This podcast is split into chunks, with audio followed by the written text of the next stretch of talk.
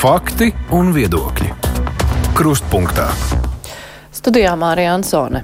Trīs Baltijas valsts vienojušās par aizsardzības līnijas veidošanu uz ārējām robežām, tikmēr šonadēļ sabiedrībā daudz diskutētiem rosinājumam izstāties no Otavas konvencijas par kainieku mīnu aizliegumu gan atsaucības nav. Par šiem un citiem jautājumiem šodien iztaujāsim aizsardzības ministru Andris Prūdu, kurš mūsu studijā. Labdien! Labdien! Kopā ar mums ir kolēģi Agnija Lazdiņa no Latvijas radio ziņu dienas. Sveika! Labdien! Arts Trēziņš no Latvijas avīzes. Sveiks! Sveiki! Klausītāji var savus jautājumus rakstīt vai nu uz adresi kruspunktā Latvijas radio.lv var sūtīt ziņu no mūsu mājaslapas arī. Es sākšu ar eh, to daudz diskutēto jautājumu par Otavas konvenciju publiski sociālajos tīklos uh, bija ļoti daudz uh, dažādi kaismīgi viedokļi par to, vajag izstāties vai nevajag. Tur arī tika izteikti dažādi paziņojumi, kurš ir nodevējis un kurš nav šai valstī, bet kopumā nu, šī diskusija ir aizgājusi tādos ļoti augstos toņos, kamēr no Nacionālo bruņoto spēku puses ir pateikts, e, ka tas nu, tur nesaskata, ka tas būtu lietderīgi. Arī politiskās amatpersonas atsevišķas ir norādījuši uz riskiem, kas būtu izstājoties, un arī nebija īstas atsaucības arī kaimiņu valstīs. Vai ar šo šī diskusija arī būs beigta, vai tomēr turpināsies, eh, nu, mēs, mēs varam nonākt līdz tam, ka saimni, piemēram, par to balso? Diskusijai būt. Es domāju, ka tas ir ļoti labi, ka diskusijas arī valstī un parlamentā un plašāk arī starp ekspertiem notiek. Es domāju, ka tas parāda to, ka nu, pirmkārt mēs esam demokrātiska sabiedrība, kurā var būt dažādi viedokļi arī. Un, protams, ka arī svarīgi ir tas, ka mēs jau domājam par vienu. Mēs domājam par to, kā kopīgi stiprināt Latviju, kā stiprināt aizsardzību, kas ir tie veidi, kādā veidā mēs varētu arī mūsu drošību, mūsu aizsardzību stiprināt. Un, respektīvi, tā kā es šo saredzu arī kā pilnīgi labu dabisku procesu tajā teiksim, viedokļu apmaiņā. Par pašu Otavas konvenciju, respektīvi, ir tas, ka arī To es teicu, jau vakar es piedalījos ārlietu un aizsardzības komisiju kopsēdē parlamentā. Es uzskatīju par savu pienākumu. Mēs kopā arī ar NBS komandieru bijām, Leonidu Kalniņu kungu, un vēl bija pārstāvji gan no aizsardzības ministrijas, gan no NBS. Tā kā mēs piedalījāmies šajā diskusijā, un to, ko arī es teicu, var atkārtoties, skaidrs, ka būšana konvencijā vai uh, iziešana konvencijas nav pašmērķis. Vēlreiz, mērķis ir nodrošināt pēc iespējas aizsargāt mūsu sabiedrību, mūsu valsts un arī mūsu robežas. Uh, arī no savas puses, kā ministrs, man bija to, ko es minēju, man bija svarīgi teiksim, šie divi faktori, divi pilāri. Jo es atkārtošu, ka šeit ir atšķirība no Ukraiņas, ja mēs jau sākam runāt konkrēti par šo tēmu. Uh, ir tas, ka ir svarīgi divas lietas, ko saka Nacionālajie bruņotie spēki. Uh, un ko saka, vai kā konsultācijas mums veidojas ar mūsu sabiedrotajiem. Jo mums ir divas dūris. Respektīvi, mums ir mūsu bruņotie spēki, un mums ir mūsu sabiedroto šeit klātbūtne, NATO spēku klātbūtne. Un, protams, kad eh, šeit šīs konsultācijas ar sabiedrotajiem parādīja to, ka eh, kaimiņi, Igauni un Lietuvieši neiet. Diskusijas bijušas, un diskusijas joprojām arī daļai notiek šajās valstīs, kaimiņu valstīs, kā Somija un Polija arī. Eh, bet viņi neiet uz to. Ja mēs skatāmies plašāk, tad šī kaujas grupas pie mums ir un kanādieši to vada šeit kanādieši. Nu, tā, viņi ir vadošā valsts Rotovas konvencijas. Uh, stiprināšanā un uzturēšanā. Nu, ja mēs skatāmies arī plašāk, tad arī NATO dalību valsts nu, un Eiropas Savienības valsts visas ir iekšā. Var zinām veidā diskutēt par ASV, bet ASV pieturās pilnīgi par visiem principiem ar izņēmumu attiecībā uz Dienvidkoreju. Tagad šeit ir šis sabiedroto elements, kas, protams, nu, zinām veidā liek apzināti ar zināmas potenciālos scenārijus ar saviem riskiem, bet vēlreiz tas, protams, ir mūsu suverēns lēmums, un šeit ir svarīgi bruņoto spēku viedoklis. Bruņotie spēki apstiprina nodrošina to, ka mēs esam pirmkārt šobrīd aizsargāti un droši, ka, protams, ka mums ir jāstiprina un jāplāno, kā mēs robežu turpinām stiprināt arī nākotnē. Un, respektīvi, protams, ka tie veidi šeit var būt dažādi, bet, ja mēs runājam ar jau konkrētāk par mīnām, jāatcerās, ka mīnas ir viens elements, jo mēs kopumā attīstām 27 spējas lai, lai aizsargātu un lai stiprinātu robežu. Bet savukārt mīnas, respektīvi, tas ir, protams, viena šī kategorija, bet mums ir pretanku mīnas, mums ir vadāmās mīnas, un, respektīvi, līdz ar to, protams, arī runājot par mīnām, jā, mīnas ir nozīmīgs arī instruments pretinieka aizkavēšanā, bet mīnas mums ir, tās mums būs, un, protams, ka tās mēs arī izmantosim. Bet tad es pareizi saprotu, nu, diskusija tagad notiek, varbūt vēl kādu laiku notiks, bet līdz kaut kādam konkrētam lēmumam par izstāšanos nu, mēs nenonāksim. Nebūs īsti, kas to rosina. Vēlreiz.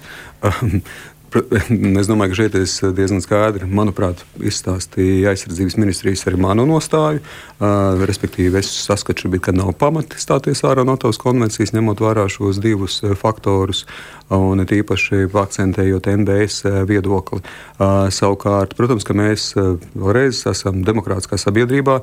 Diskusija var šobrīd piebremzēties, viņi var turpināties, viņi var atnākt vēlāk. Arī tā, tās visas ir iespējas. Mums ir mana balss arī iniciatīva, kurā tiek arī vāktas teiksim, balss. Šeit arī noteikti ir savs, kā saka, process, kas norit. Un, ir, protams, kad šobrīd, kā jau minēju, no, no, no mūsu puses, no manas puses ir šī pozīcija. Ir politiskie spēki, kas uzskata, ka teiksim, šī diskusija būtu jāturpina. Tā kā šeit beig beigās ratifikācija un arī denoncēšana līguma un konvencija tā ir parlamenta privilēģija. Tā kā šeit par to lemj parlaments, un šeit līdz ar to skars, ka parlamentā debats var turpināties un noteikti kādā vienā vietā formā turpināsies. Šī ir aktuāla un svarīga tēma mums visiem, protams. Tas ir ļoti labi, ka notiek uh, diskusija par, par šo konvenciju. Daudz sliktāk būtu, ja vispār nebūtu diskusijas. Ne? Mm. Bet reizēm gan ir smieklīgi, kad par mīnām diskutē cilvēki, kas vispār mīnu nav redzējuši ne bildēs, ne dabā, un pat nespēja iedomāties, ko nozīmē nomīnēt 430 km aptuveni, kas ir Krievijas un Baltkrievijas robeža, lai mīnām būtu jēga, un cik tas viss izmaksās.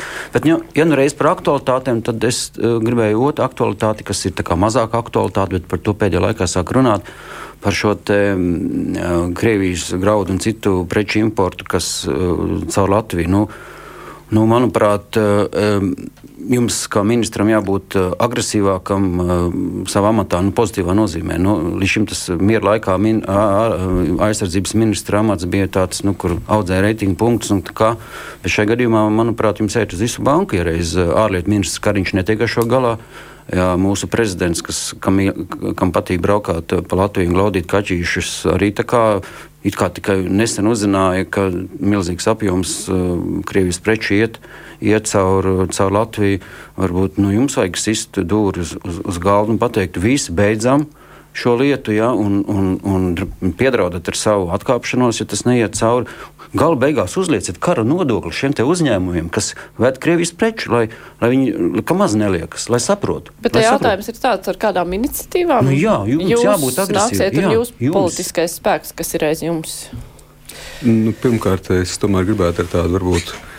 Zinām, veidā mēs runājam par cieņu, varbūt tomēr lielāku cieņu arī pret eh, kolēģiem, jo skaidrs, ka šeit eh, vēlreiz mērķis visiem mums ir vienāds, lai mēs uh, darīt visu, lai Krievija šo karu zaudētu, lai Krievija nesaņemtu finansējumu, lai Krievija nebūtu iespējas šo savu kara mašinēriju, kā ar ekonomiku efektīvi attīstīt. Tā kā jautājums atkal noteikti ir vietā par to, kādā veidā teiksim, mēs to varam darīt. Bet es domāju, ka šeit absolūti ir vienprātība par to, ka tas ir jādara.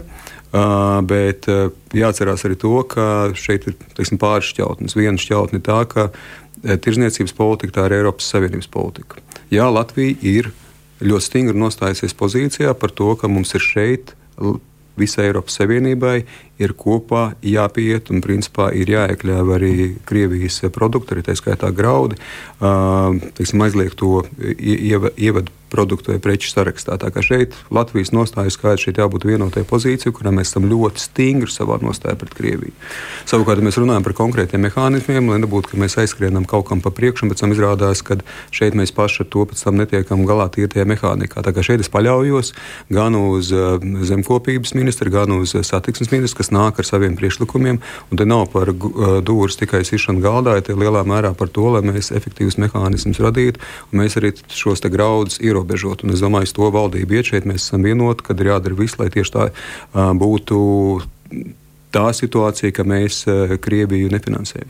Nu jā, bet laiks iet, nu, cik gadi jau ir pagājuši, kad tas notiek? Nu, jūs sakat, ka jābūt vienprātībai Eiropas Savienībā. Nu, Eiropas Savienībā ir nu, Ungārija. Nu, Ungārija ir savs ceļš, nu, viņi nav vienprātīgi. Nu, viņi arī kaut ko izsit, kaut ko pierāda. Protams, tas ir otrā virzienā, kas mums nepatīk. Ja? Nu, nav tā, ka nu, galīgi mēs nevaram kādas iespējas bet, ir vienoties Eiropas Savienībā? Es domāju, ka Eiropas Savienībā es tomēr atkal nu skaidrs, ka ir jautājumi, kas prasa kaut kādu zinām laiku. Jā, Eiropas Savienībā ir 27 valsts, bet mums ir 12 sankciju paketes.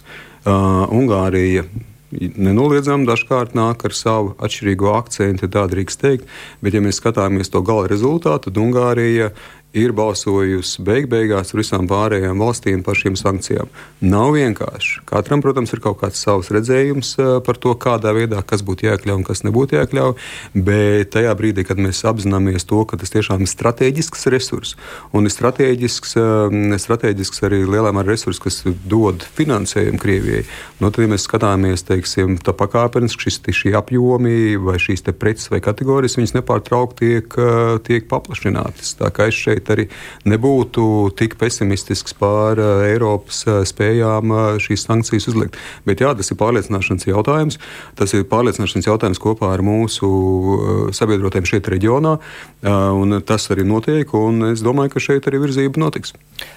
Atgriežo, atgriežoties atpakaļ pie Otavas konvencijas, nu, jūsuprāt, nu, kāpēc ir tieši tik liela ažiotāža par šo konvenciju? Turklāt arī pēc Nacionālo bruņoto spēku paziņojuma par nu, aicinājumu neizstāties no šīs konvencijas, gan sabiedrība, gan politiķi joprojām tās diskusijas turpina. Vēlreiz es domāju, ka sabiedrībā diskusijām būtu. Un, jā, nu, tas, protams, parāda arī to, ka no vienas puses mēs esam droši un aizsargāti un to es varēju gribu akcentēt. Bet eh, vienlaikus, nu, protams, ka situācija kopumā jau nu, ir salīdzinoši ar savu trauksmes elementu. Kā to ir norādījušas arī mūsu citas amatpersonas. Tā kā, respektīvi, protams, ka mums jābūt gataviem visiem scenārijiem, un līdz ar to arī šeit šī sajūta ir, ka, protams, mums ir jāieguldās aizsardzībā, mums ir jāieguldās drošībā, mums ir jādara viss, lai mēs sargātu savu robežu. Mēs, protams, arī zināmā veidā arī vērojam to, kas notiek Ukrajinā un izdarām savus secinājumus. Un, protams, ka Ukraiņas gadījumā mīnas ar savu lomu spēlē. Kā līdz ar to, protams, ka šie viedokļi, kas ir nostiprinājušies, viņiem būtu, nu, te diskusijai var būt. Un te ir cienījami eksperti, kas ir uzskata tieši tā, ka tas būtu, tas būtu nepieciešams. Bet vēlreiz, nu, tomēr.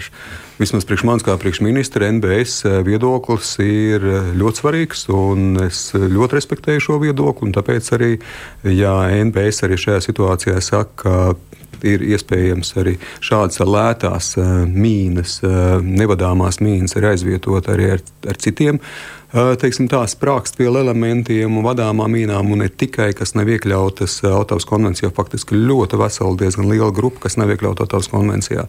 Tad, respektīvi, tad arī tas uz tos ir paļaujos. Vienlaikus, protams, kā es teicu, norādot uz to, ka atšķirībā no Ukrainas mums ir sabiedrotie, un mums ir ļoti svarīga šī sabiedroto klātbūtne, un, protams, ka tāpēc šīs konsultācijas sabiedrotam arī svarīgas. Mm -hmm. Bet šī diskusija, jā, viņa, viņa var turpināties, bet, manuprāt, arī, nu, arī tas, kas izskanēja vakar komisija sēdēs, jā, nu šobrīd tomēr mēs esam zinām posmu nogājuši, kurā pozīcijas ir izteiktas.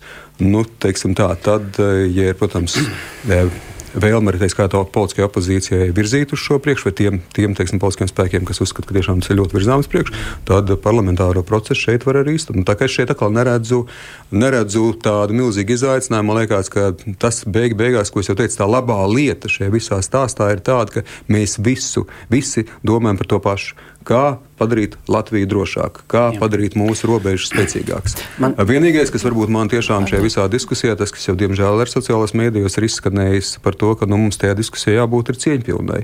Jo es domāju, ka var ņemt vērā gan viens, gan otrs puses arguments, bet, nu, protams, kā es teicu, manuprāt, šķiet, ka šajā visā arī tie argumenti, kas nāk no, no bruņoto spēku puses, ir šķiet, ļoti pamatoti. Un, kā es teicu, nu, vispirms viņi to pamato ar savu redzējumu, savām zināšanām, pieredzi, kompetenci, kas viņiem ir gadu gājā izstrādājusies saistībā ar jūsu nu, pat eh, teikto, ka mēs esam droši un pasargāti, šodien eh, cilvēku uzmanību piesaistīja kādas sievietes publicēts ieraksts eh, platformā X, jeb Twitter, kur viņa pauž savas bažas par to, ka, lai gan it kā pastāvot visaptvarošās aizsardzības koncepcija, no kuras esot lielākajai sabiedrībai būtu jābūt skaidriem rīcības plāniem un darbībām, ko darīt iebrukuma gadījumā, tomēr realitātē viņai esot sajūta, ka tādā kara gadījumā būšot tikai jāsakravā šī 72 stundu soma un jāklausās rādio, un ka iztrūkstot tādu sabiedrības elementāras izglītošanas vai vadītas dažādas apmācības, kur viņi zinātu, ko un kā es, darīt. Es piekrītu par to, ka apmācības ir ļoti svarīgas, un to es arī līdz uzsvaru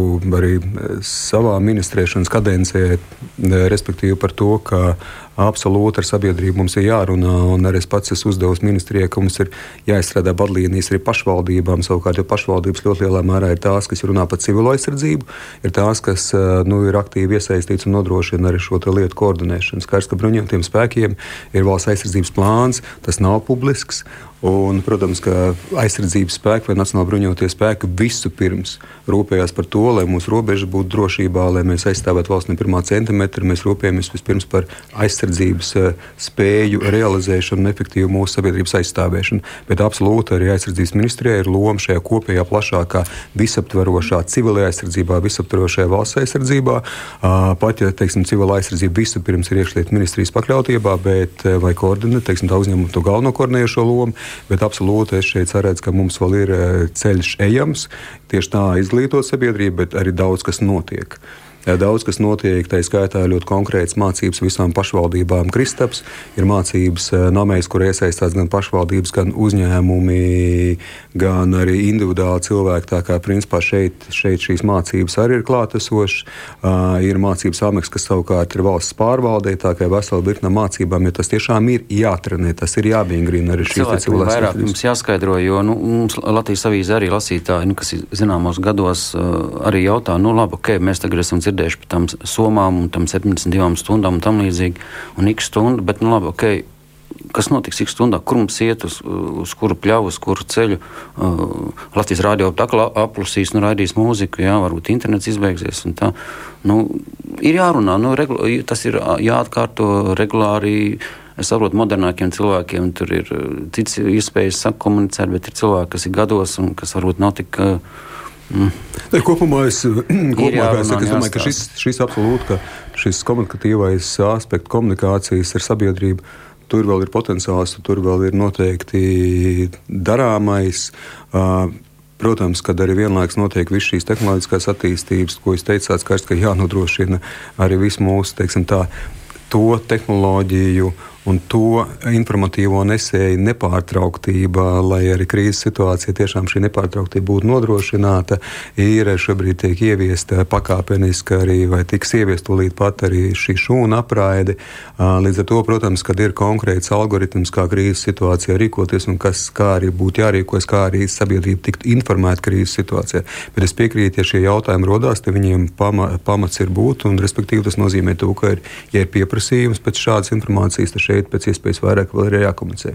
Piekrīt, ir, jā. bet, piekrīt, bet vienlaikus kā es negribētu iekrist tajā otrā, varbūt grāvība, jābūt uzmanīgam, jo nu, mēs neesam šobrīd, mēs esam situācijā, ka mums ir absolūti jādomā, jārūpējas un jāstiprina savas spējas, bet mums nav arī jākrīt teiksim, tajā. Nu, tādā pārliecībā vai, vai milzīgās bažās vai bailēs, kad eh, nu, tūlīt pat kaut kas sāksies. Nu, mēs esam droši un aizsargāti, bet tas nenozīmē, ka mums nav jābūt gataviem dažādiem scenārijiem, ka mums nav jāmingri un jātrena. Tas nozīmē, protams, mums ir arī jāinformē sabiedrība. Absolūti piekrītu. Mums ir klausītāji jautājums, kas attiecas arī uz šo pašu pirmo aizsardzību. Nu, kur arī kainieku mīnus principā ir e, arī šī te pati pirmā aizsardzība pie robežas, lai mēs būtu droši pirmajās dienās un stundās, ja kāds mēģina mums uzbrukt.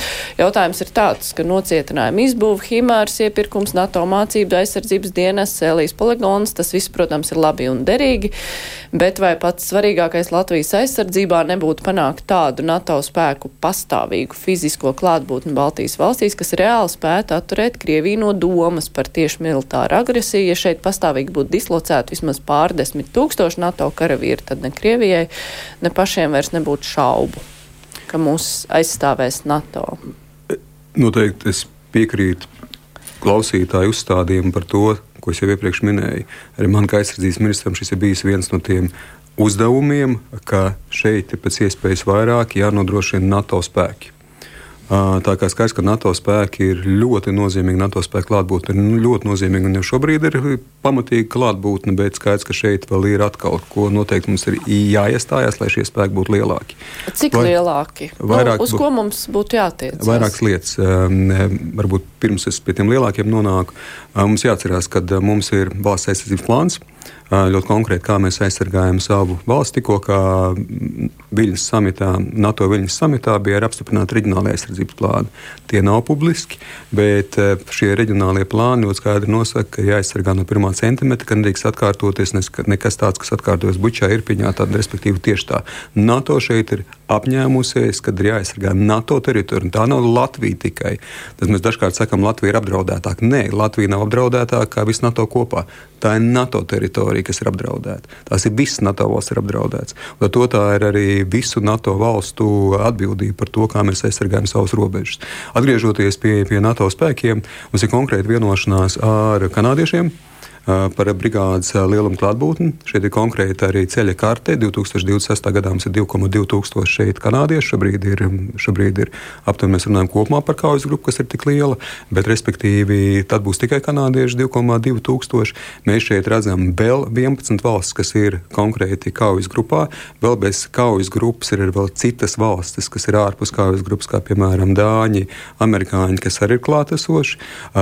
Tikko kā es biju Zviedrijā un mums ir izdevies arī panākt to, kā saka, motivēt arī Zviedrus un panākt šo vienošanos par to, ka Zviedri sūta uz šejienu bataljonu līdz 800 karavīriem labi ekipētu. Tā kā, respektīvi, protams, šis skaits arī pieaug. Skaidrs, ka mēs gribētu, lai tiešām šeit būtu vēl permanentāk, vēl vairāk, bet vienlaikus paralēli mums jāizpild arī mūsu mājas darbi. Respektīvi, piemēram, viens no lielajiem mājas darbiem noliedzami ir Sēlijas poligons. Sēlijas poligons, kas vēl jāuzbūvē, tā kā skaidrs, ka šeit šis, šie procesi iet paralēli. Bet es arī piekrītu, ka no vienas puses iet paralēli un pakāpeniski, bet tai drošībai jābūt ir tagad. Un tāpēc atkal tiek, tiek protams, darīts viss, lai tieši tā pēc iespējas ātrāk šeit būtu, lai mēs tiešām motivētu, lai nebūtu nekādas aizķeršanās. Nu, kā jau minēju, Rotovas konvencija noteikti daļai iet arī šajā kontekstā iekšā, vai izstāšanās vai neizstāšanās no Rotovas konvencijas. Bet tie pārdesmit tūkstoši, ko min klausītājs, tas ir reāli?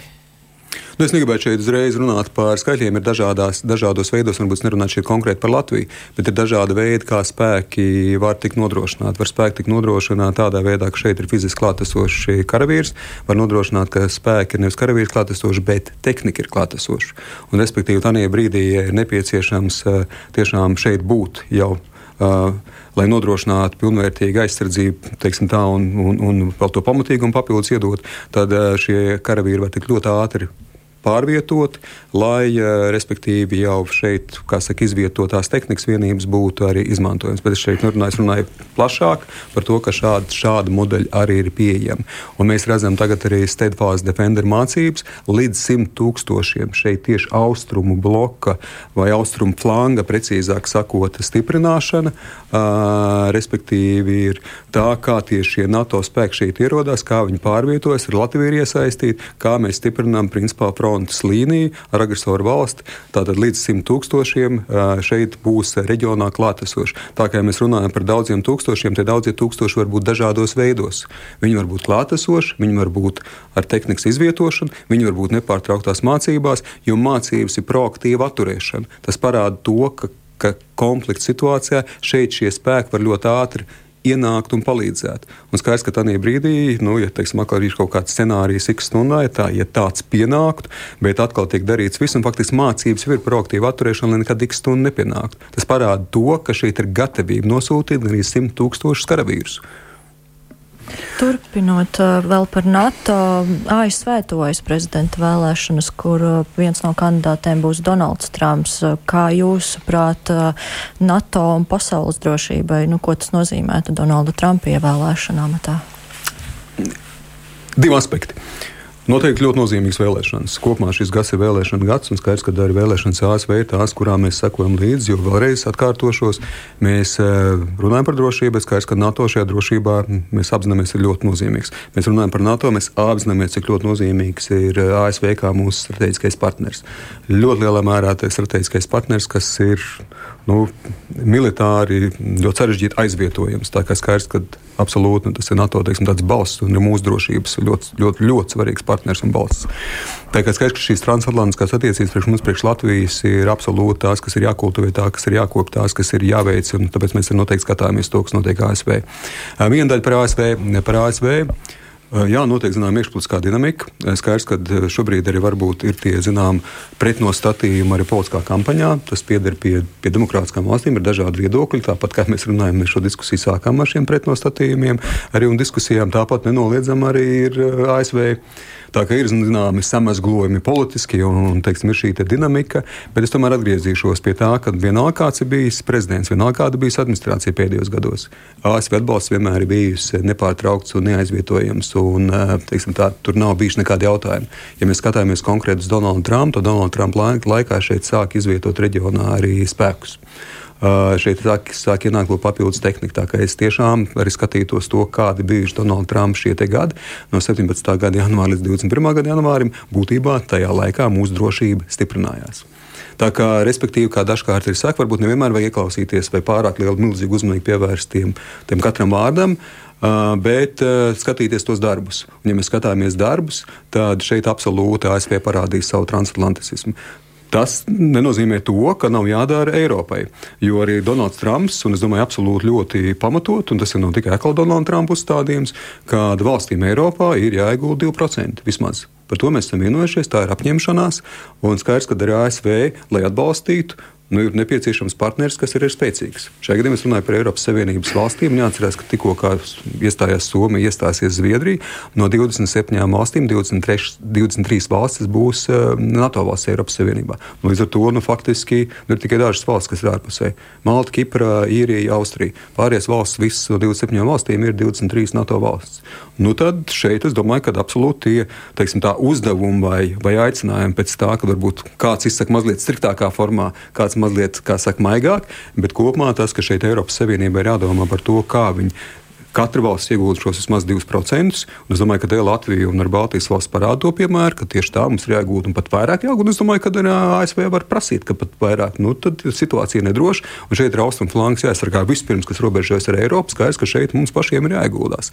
Un nenoliedzam, ka jāattīst gan militārā industrija, gan militārā mobilitāte, kas jāveicina, lai tiešām mēs šeit būtu arī nu, teiksim, līdzvērtīgi partneri, cik vien iespējams, arī ASV, arī drošības eh, ziņā. Tā kā skaidrs, ka Eiropā ir nepieciešams nepieciešams arī absolūti pilnveidot savas spējas, koordinēt savas lietas. Un vispirms es pat teiktu, tā militāra industrija ir viens no tādiem atslēgas elementiem. Tas nozīmē, ka arī bruņoto spēku arī var darīt zināmas lietas, bet kas savukārt neduplicē, kas ne, neatkārto, nepārklājās ar to, ko dara NATO. Es skaidrs, ka NATO ir nu, bez, NATO, bez Eiropas Savienības, skaidrs, ka jāatcerās, ka NATO ir Kanāda, NATO ir arī, protams, Lielbritānija, NATO ir arī Turcija. Tā kā tās ir arī militārās lielvaras. Bet, bet kaut ko mēs tomēr varam darīt paši, jo, nu, cik, cik man zināms, ir pie, pieejams Eiropas Eiropas komisijas, nezinu, Eiropas Savienības finansējums, lai Latvijā uh, taisītu augšā rūpnīcu, kur ražot šājumu pulveri un 155 mm vai kādus tur lādiņus. Ja?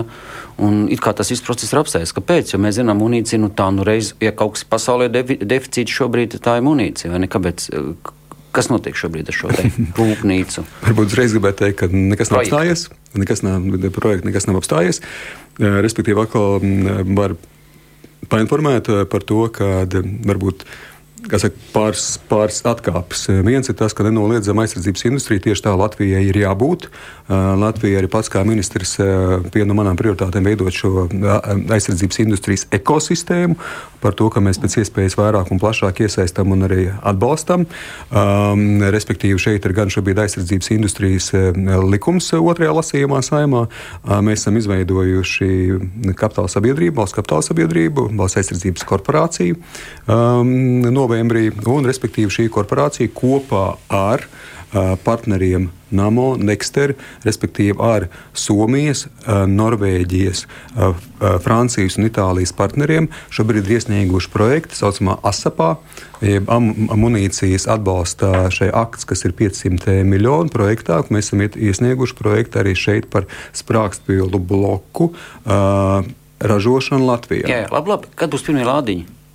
Kad būs pirmie lādiņi. Pirmie no, lādiņi pirmkārt, no, lai, lai, vārdu paturēt. No, laikiem mēs šeit uzreiz varbūt nedaudz Nē, piesargs, no, tāpēc, ka, notiek, tāpēc, kad jāsagaida visu pirms eh, projektu pieteikumu rezultāti, ir martā, bet eh, nu, tas nav, kad mēs varam izveidot rūpnīcu vakar nebija, šodien mums būs rūpnīca.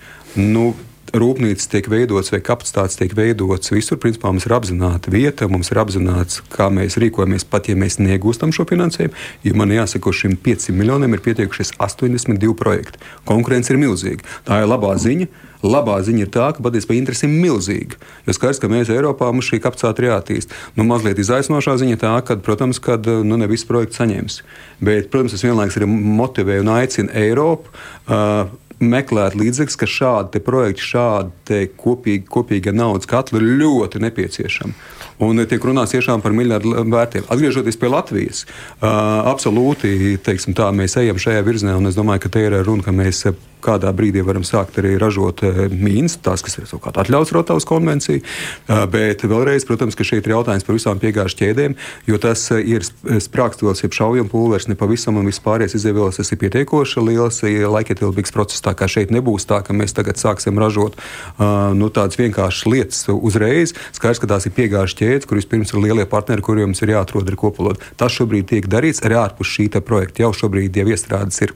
Bet, nu, tomēr grib gribas saprast laika izpratnē, nu, cik eh, daudz tie ir gadi, gads, divi, trīs, četri, kamēr vispār kaut ko var attīstīt.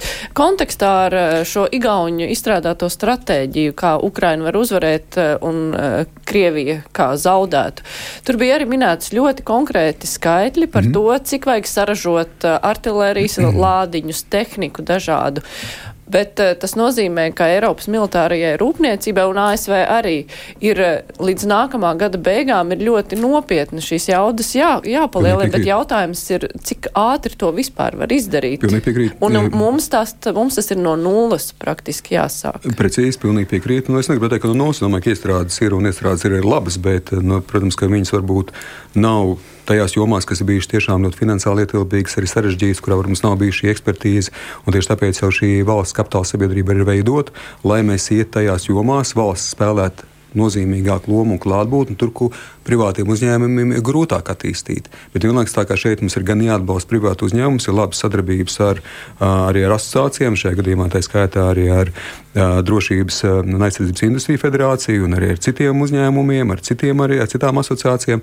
Tā kā, respektīvi, protams, ka šī, šī, šī ekosistēma tiek veidot. Bet pilnīgi to, ko jūs teicāt, absolūti ir tas, ka tas, kas Eiropā ir apzināts, ir spējas, ko var attīstīt salīdzinoši ātri, vienu, divu gadu laikā, ir spējas, par kurām tiek runāts, kas tiek teiksim, attīstās 15 gadu laikā. Nu, piemēram, pretgaisa aizsardzības sistēmas. Nu, mums būs problemātiski šeit pašiem uz vietas ražot, bet es reiz gribu teikt, Mēs principā vienmēr iestājāmies par to, ka lielai daļai, līdz 30%, ja mēs kaut ko lielos iepirkumus taisām, principā šeit jānāk iekšā ar savu teiksim, industriālo komponentu. Un, piemēram, ja mēs runājam par vienu labo piemēru, es gribu uzskatīt un nosaukt to labo piemēru Patriju, ko mēs šeit ražojam. Faktiski mēs liekam ne tikai kopā, bet mēs ražojam sastāvdaļas.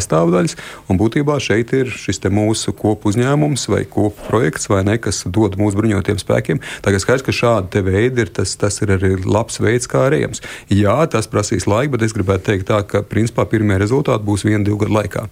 Jo mēs principā ejam uz to, lai tiešām tas nākošais izrāviens eh, būtu. Bet vēlreiz tomēr šeit ir jāņem vērā ar objektīvu ierobežojumu. Atgriežoties pie Igaunijas, eh, jā, viņi ļoti interesanti, pamatoti. Eh, viņi paši ir pateikuši to, ka viņi ir gatavi principā arī dot Ukrainai šos 0,25%. Viņi dod vairāk, arī mēs dodam vairāk katru gadu nekā 0,25% no IKP, bet viņi grib, lai visas valsts dod 0,25%. Eh, jo tad tas būtu vairāk nekā 100 miljardi eiro. Un tad uz šiem 100 miljardiem eiro mēs jau attīstītu savu industriju. Tā kā kopumā šis te, teiksim, tā, viņu skaļs piedāvātais ir ļoti teiksim, tā, no nu, ar savu loģiku, ar savu vilkumu. Un, ko es jau iepriekš teicu, ka Eiropai tiešām šeit ir potenciāls. Bet nu, ir dažādas valsts Eiropā ar dažādiem akcentiem. Pat ja Krievija ir apdraudējums, un tas NATO koncepcijā ir pateikts, nu, tomēr teiksim, cik ir tas cik ir tā sajūta par to, ka mums tagad uzreiz jāieguldās arī industrijā. Nu, protams, ka tur ir, ir dažādas, dažādas intereses, demokrātijas, ir sabiedrības jāpārliecina. Nu, skaidrs, ka šis ceļš ejams. Sakiet, nu, pēdējā laikā viena no aktualitātēm arī šī Baltijas valsts kopējā aizsardzības līnijas veidošana. Igauni paziņojuši, ka viņi tur 900 bunkurus taisīs. Mēs sākam tieši diskutēt par mīnām, jā, par lietuviešiem es neko nezinu. Es saprotu, lielā mērā tas ir kā, militārs noslēpums, tas ir normāli. Jā. Bet ir varbūt kaut kādas idejas, ko jūs varat paust vai padomāt. Nu, man liekas, varbūt arī sabiedrība pierobežā mm -hmm. jāiesaistās. Es atceros, kad, ka savulaik rakstīja par to, ka um, Helsinku, Somijas galvaspilsētas būvniecībā projekts negāja cauri, ja ne, apakšstāvā nebija pagroba lodziņa kaut kāda, nu, kur iespējama ienaidnieks sagaidīt ar, teiksim, ar, ar šāvieniem. Ja. Varbūt mēs arī varam ieguldīt kādās privātās iniciatīvās pie robežas, nu, nezinu, pagrabas tur palīdzēt uzbūvēt nu, kaut kādas aizsargu būves, nezinu, ceļus, ceļus labi iekārtot, lai tehnika labāk pārvietotos. Vai šajā virzienā tiek domāts par šo aizsardzības līniju? Absolūti. Jums viedoklis ir par to, kā tā varētu izskatīties dabā? Jā, um, ir, ir vispirms, protams, ka viedoklis ir mūsu bruņotajiem spēkiem. Šobrīd uh, vēlreiz nu, atkārtošos, ka mums ir konkrēti plāni, kas šobrīd jau aizsargā mūsu valstu, mūsu robežu, bet nenoliedzam, ka šī drošība un aizsardzība stiprinām katru dienu. Ja tev pie sāniem, tev kaimiņos ir tāda valsts kā Krievija un, principā, viņas satelīts vai protektorāts Baltkrievija. Skaidrs, ka šī robeža arī ir jāstiprina, tā kā ir šis ceļš ejams, lai mēs būtu vēl drošāki. Respektīvi, tas ir, tas, tas ir pirmais mēs, eh, respektīvi, mēs jau esam sākuši strādāt pie eh, konkrētā mm, eh, militārās pretmobilitātes plāna. Šis plāns ir izstrādāts, viņš šobrīd arī ir saskaņošanā, tā skaitā ar citām institūcijām. Respektīvi, plānā es negribētu atkal iet detaļās, jo tieši tā, tā nav publiska daļa, bet varbūt kopumā runājot, tās lietas, tie akcenti, kas tur ir, kad jā, šeit ir gan īstermiņa, gan ilgtermiņa. Uh, īstermiņā mēs sāksim darbus jau šogad. Ilgtermiņā to, ko es teicu arī publiski, tie darbi turpināsies, kamēr Krievija, kā agresora valsts, kā impēriska valsts, būs pie mūsu sāniem. Principā tas ir ļoti ilgtermiņa projekts. Līdz ar to tur nekad neapstāsies robežu stiprināšana ar agresoru valsts ar imperialiskām tendencēm Krieviju. Un es neredzu šeit, ka, tas, teiksim, ka tam būs kaut kāda veidā nu, noiet, noiets etaps. Nē, tā ir skaidrs, ka mums būs šī robeža jāstiprina ilgtermiņā, ilgstoši, ar to arī jārēķinās. Bet darbi jau sāk šobrīd ir. Šogad un to šogad arī darbi tiks uzsākti. Uh, respektīvi, varbūt atkal ne, jo detaļās nesaucot 600 bunkurus, kā Igauni ir nosaukuši, bet es domāju, ka mēs vienā brīdī nonāksim arī tajā brīdī, kad teiksim, konkrētās lietas tiks arī realizētas. Mēs noteikti nonāksim vēl pie konkrētākām lietām. Šobrīd es varu pateikt, ka ir gan šķēršļoslas, gan e, fiziskās instalācijas ar infrastruktūru, gan paredzēta arī mīnu izmantošana. Tā kā šī, šis te viss ir, bet, protams, tas ir papildus resurss, pamatīgs resurss, kas, protams, vienlaikus arī līdz ar to ir šeit nepieciešams, uh, lai, sāk, lai virzītos, bet virzība jebkurā gadījumā notiks jau šogad. Tas gan varētu ļoti interesanti izskatīties. Pats vairāk reizes bijis pie Krievijas robežas, un tur mūsu zemnieku lauki ir faktiski līdz, pašai, līdz pašam, faktiski līdz 5 metru attālumam līdz žogam aug labība. Ja? Nu, kā jūs tur uzliksiet mīnas, šķērsļoslas, tur jums būs atsevišķi jārunā ar šo zem savām acīm redzot. Absolūti, bet es domāju, ka tas nav nekas, eh, tas nav nekas jauns. Jā, bet tas vēlreiz parāda to, ka tas jau nav tāds process, kad aizbrauc uzliec. Mm. Precīzi, nu jūs tagad ir nodencējat to zināmā veidā, to,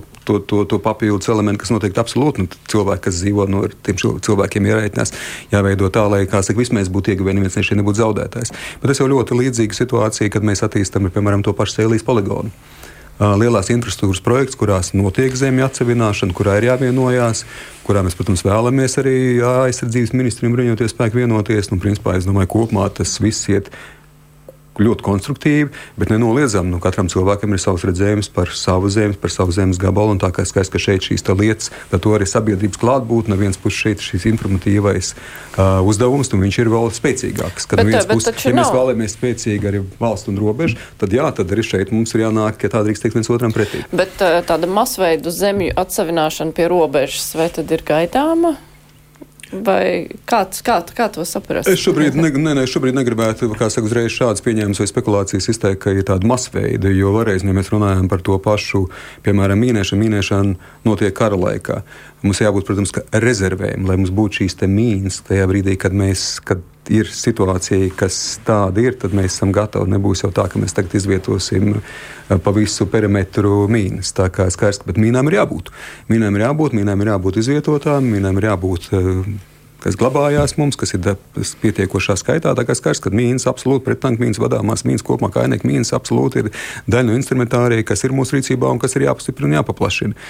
Bet tā kā nu, mēs runājam vairāk par instalācijām, nu, kas ir, kas nav gluži tā, ka ir pilnīgi jāatsavina viss, nenoliedzam, nē, nē, neaiziesim otrās galībās, bet noteikti šis process, ka būs zemes, kas, teiksim, ja mēs runājam par kaut kādu kopīgu līniju, kā šeit tika pieminēts, tad noteikti mēs varam pamācīties un saskaņot lietas viens ar otru, jo Igauni ir gājuši šādu ceļu, un priekš tam arī šī, šīs vienošanās arī pagājušā piekdienā mēs trīs aizsardzības ministri no Baltijas valstīm arī parakstījām, lai mēs savstarpēji koordinētu, lai mēs savstarpēji saskaņotu, lai mēs savstarpēji viens otru informētu, lai nebūtu tā, ka mums ir teiksim, pilnīgi atšķirīgas šīs pieejas. Skaidrs, ka katram ir sava nacionālā pieeja ar saviem akcentiem, nebūs identisks pieejas, bet vienlaikus šīs te, teiksim, līnijas vai fortifikācijas, viņas arī ir un pieeja ir jāsaskaņo. Bet mums eh, pāris klausītāji arī vaicā, vai nevajadzētu apbruņot iedzīvotājus, izdalīt šaujamieročus, ložmetējus, triecienu šautenes. Šī diskusija ar sabiedrībā ir bijusi, un es eh, ļoti bieži saskaros ar, ar ar mūsu veterāniem, ar zemesargiem ne par šo tēmu. Un, protams, kāda šeit arī diskusijai būt, nu, no vienas puses te ir savas priekšrocības, no otras puses, protams, ka apzināmies, ka te ir savi riski.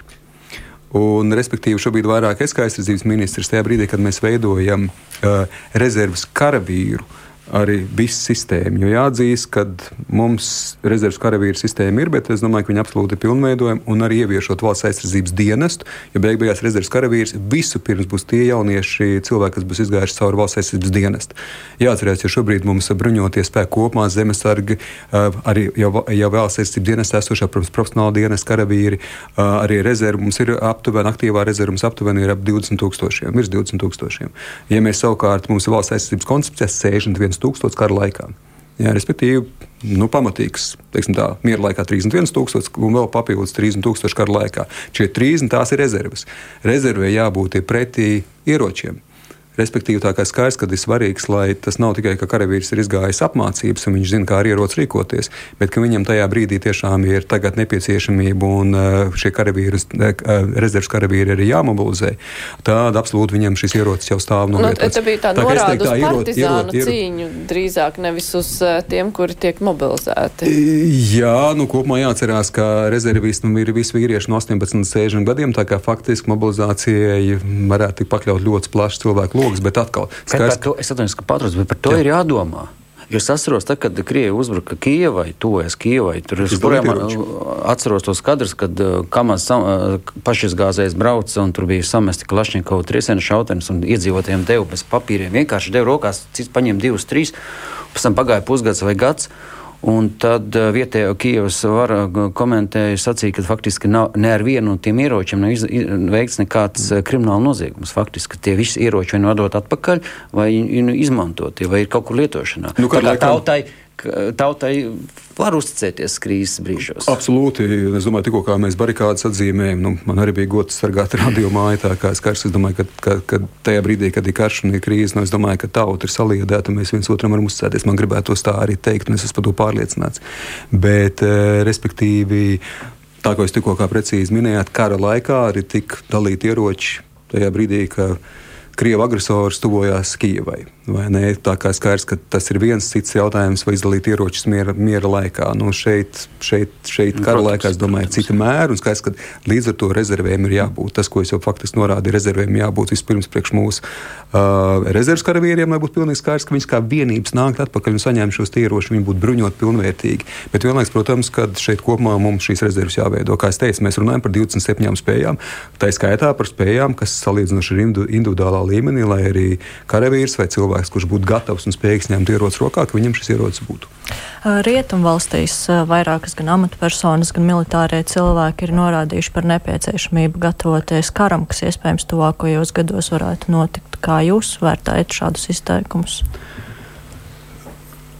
Izteikumi, protams, ka jāņem ir nopietni. Mēs nevaram ignorēt izteikumus, jo tas parāda to kopējo atmosfēru, pieeja par to, ka jā, scenāriji var būt dažādi. Bet man šķiet, ka tomēr šeit vēlreiz, nu, es tomēr akcentēšu, nu, mēs esam aizsargāti un droši. Pat jums jāgatavojas dažādiem scenārijiem. Mums ir jārēķinās, protams, ka scenāriji var būt visdažādākie, un tieši tāpēc mums jādara viss jau šobrīd, lai mēs no šiem scenārijiem izvairītos. Un tāpēc kaut kādā veidā arī jāapzinās, ka šādi scenāriji ir iespējami. Uh, bet vēlreiz, teiksim, es būtu to, ko es arī norādu saviem uh, ārzemju kolēģiem, nav nekāda. Nav nekāds apdraudējums Baltijai, nav nekāds apdraudējums Polijai. Apdraudējums kopumā ir NATO kā tādai. NATO principā ir apdraudēta, ja kaut kas notiktu. Jā, bet šobrīd nu, atkal nu, Mēs esam aliansē, kas ir visu laiku visspēcīgākā kolektīva aizsardzības organizācija. Pret šo aliansi 75 gadu laikā mēs atzīmējam šogad 75 un 20 gadus, kā Latvija ir iekšā. Uh, 75 gadu laikā neviens tieši uzbrukums nav bijis, tieši agresija. Uh, respektīvi, tas parāda šīs alianses spēku. Un, protams, tāpēc tā vienotība un tā kapacitāte nenoliedzami ir ļoti svarīga. Jā, mums ir jāapzinās, ka mēs dzīvojam laikā, kad Krievija absolūti ir uh, Ukrainā cīnās pret Ukraiņu tautu un tās brīvību, principā cīnās pret Eiropu un Eiropas vērtībām, ir kara stāvoklī un faktiski apdraud visu globālo sistēmu. Tā kā tajā ziņā nu, mēs, nevar, mēs nevaram nenovērtēt par zemu to, kas ir Krievija kā agresora valsts ar savām impēriskām tendencēm. Bet nenovērtēsim arī par augstu teiksim, šo te, nu, kaut kādā veidā, ka tas tūlīt tas notiks. Nē, Es būtu tomēr arī šeit piesardzīgs, uzmanīgs ar to, ka jā, mums ir jāņem vērā dažādi scenāriji, bet nekritīsim otrā galējībā, kad tulīt, tulīt kaut kas, jo jā, ir, ir scenāriji, kas tiek iezīmēti, uh, ir izteikti dažādi, tas parāda šo situāciju, zināmā veidā trauksmes elementi, bet tas vienlaikus arī motivē, mobilizē, liek rīkoties tā, kā es jau pieminēju, liek organizēt vingrinājumus, kurā piedalās 100 tūkstoši, gan 100 tūkstoši karavīri ar, ar tehnikas vienībām šeit reģionā. Nu, tā es domāju, ka ir signāls, jā. Nu, tad lūdzu rēķināties ar to, ka jums jārēķinās, ka šeit arī nu, ir. Mums klausītājs arī tieši tā vaicā, vai mēs varam uh, nodrošināt uh, šo ārējo robežu tā, lai Krievijai pat nav vēlme šeit iebrukt. Te ir pieminēts gan raķetes uh, izvietot, lai būtu kaut kas pretī Iskander raķetēm, milzīgi spēki un cits bruņojums. Lai Krievijai vienkārši nav vēlmes te nākt, vai ir iespējams tā nobruņoties? Ir jābruņojas, ir jābūt spēcīgiem. Kā jau teicu, domāju, šobrīd viss tas arī notiek, un mums ir ļoti laba kapacitāte, bet tas ir, tas ir, tas ir nepārtraukts mājas darbs, tas ir nepārtraukts uzdevums. To mēs runājam par robežu, to mēs runājam kopā par mūsu militāro industriju, to mēs runājam kopumā par, par, par saka, bruņu jaudām un spējām, kas visu laiku ir jāpilnveido.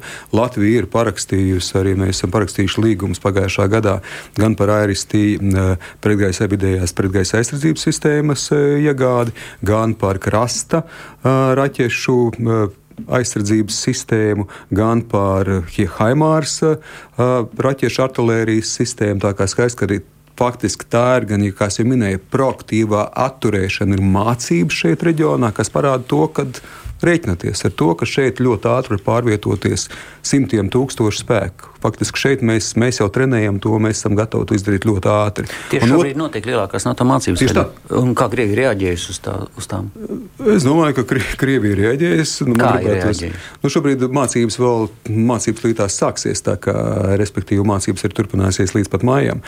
Nu, es domāju, ka Krievija noteikti apgalvos kārtējo reizi, kad eh, NATO viņu ir ielēnkusi. Es domāju, ka šeit, es teikšu tā, mana īpaši pat neinteresē, kā Krievija rēģēs.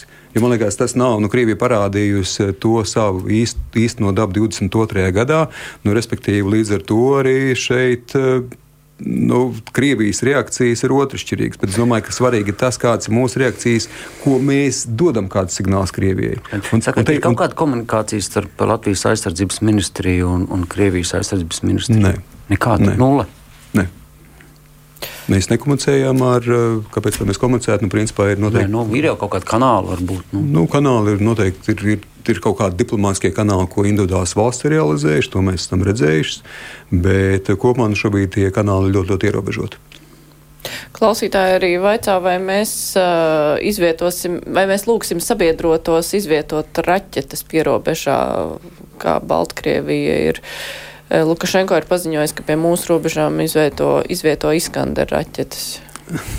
Nu, ziniet, Iskander raķetes, nu, viņām teiksim, sasniedzamība ir vairāk simt km tālumā, 500 km vairāk. Pat līdz ar to, nu, respektīvi, šeit mēs esam bijuši ar metāla dzelžu klātbūtne no Krievijas, Baltkrievijas puses ilgstoši. Šis nav nekas jauns. Tā ir kārtībā reize teiksim, parādīšana, tā ir zināmā veidā žvadzināšana, no nu, arī tā skaitā parādīšana faktiski, ka Krievija ir pārņēmusi Baltkrieviju un ka Baltkrievija ir uh, Krievijas protektorāts.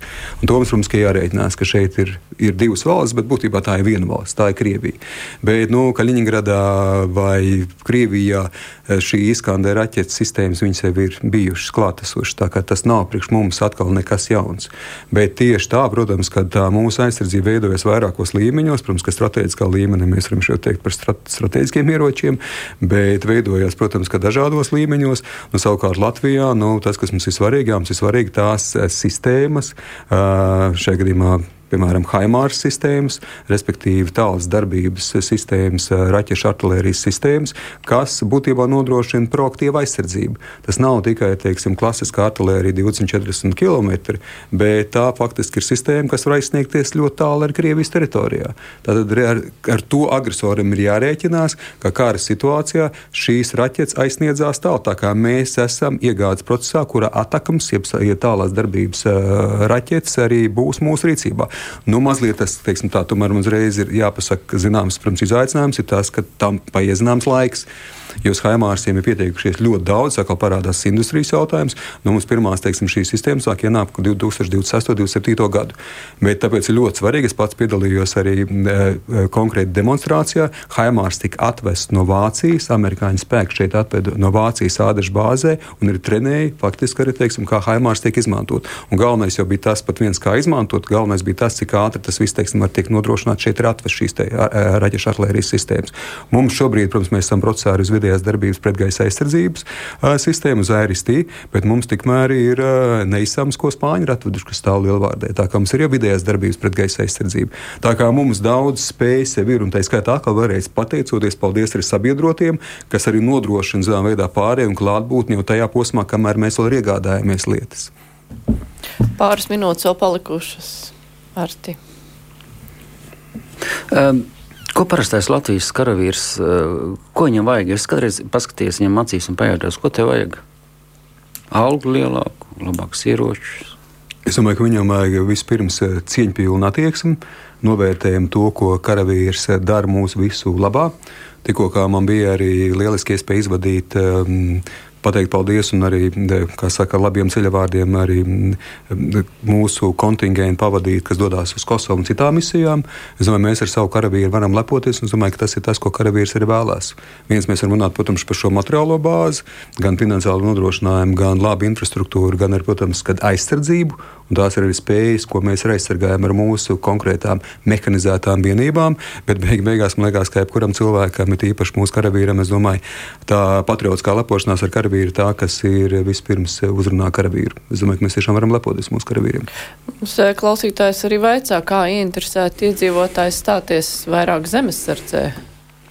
Bet es domāju, ja mēs skatāmies, tad, protams, tie veidi ir dažādi, kā mēs arī veicinām. Jā, skaidrs, ka es domāju, ka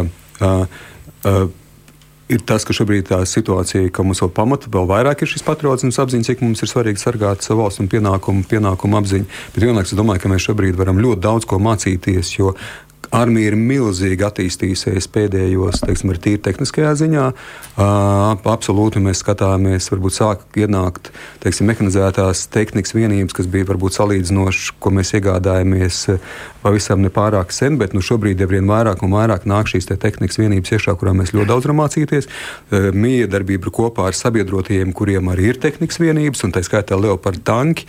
Un, protams, kad beig beigās ir dažādi šie instrumenti, kā arī motivēt. Mēs skatāmies tagad jaunie valsts aizsardzības dienestā, kas ir brīvprātīgie. Pirmie iesaukumā nu, viņiem gandrīz simt cilvēki jau pieteikušies profesionāla dienestā. Tā kā arī teiksim, šeit, es domāju, ka mēs arvien vairāk arī nospraužam to skaitli, ka mēs ejam uz 4028. gadā. Es domāju, ka ļoti daudz arī jaunieši izvēlēsies. Saprotu, ka viņiem būs šis pienākums, arī Jā, viņa pienākums. Es domāju, izvēlēsies arī zemesardzi. Man ir jautājums. Mums ir viss laika vairs nav, diemžēl.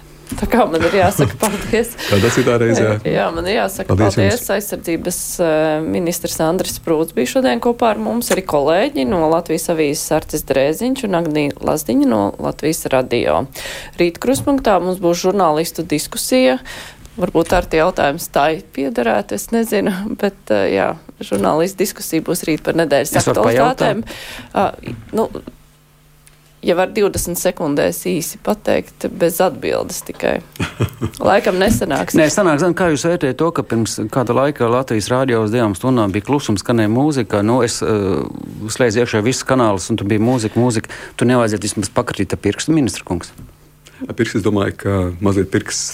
Jā parādījās. Bet uh, es domāju, ka protams, tas ir svarīgs jautājums. Un lai šī nepa, nepārtrauktība tiktu nodrošināta. Tas arī noteikti tiks uh, vēl vērtēts un vērtēts un uzlabots. Bet raidījuma producenti bija Ieva Zēs, studijā Mārija Ansona. Vislabāk!